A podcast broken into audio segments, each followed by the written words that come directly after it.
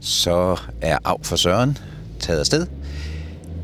Jeg skal over og hente indsamlingsbøsser, fordi øh, i morgen søndag, der bryder det løs. Der går landsindsamlingen til Dansk Flygtningehjælp ind. Og jeg skal over på Fensmark Bibliotek, fordi der kan jeg finde Pernille, som er koordinatoren. Der er mange pakker, hva'? Det er lastbiler, det der. Lastbiler. Lars Rude, han åbner døren til biblioteket. Ja.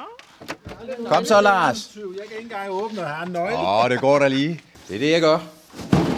Af for Søren. Kan man bare komme? Man kan bare komme. Og hvad kan man så bare komme til? Man kan bare komme og være med til at samle ind til Dansk Flygtningehjælp.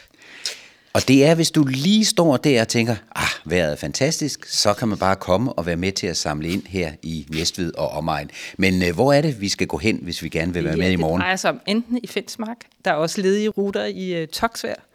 Så øh, vi kan bruge alle, der melder sig. Så du skal simpelthen øh, tage vandreskoene på, og så skal du komme forbi Fensmark Bibliotek. Du kan komme her fra 9.30 til 15. Ja, du skal komme 9.30, og så skal du samle ind, og så skal du nå at komme tilbage inden kl. 3, så du kan aflevere din indsamlingsbøsse. Og jeg kan godt fortælle jer, at sådan en indsamlingsbøsse, den er flot, den er hvid, øh, den ligner faktisk de hvide busser fra 2. verdenskrig, Grev Bernadotte, så du bliver greve for en dag, når du går ud med bøssen.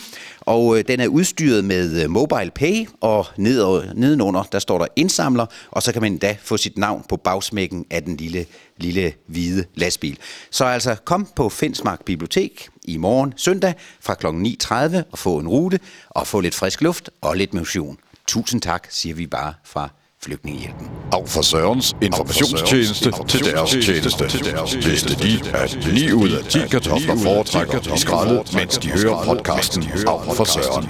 Informationstjenesten til deres tjeneste. Fra Af for Søren.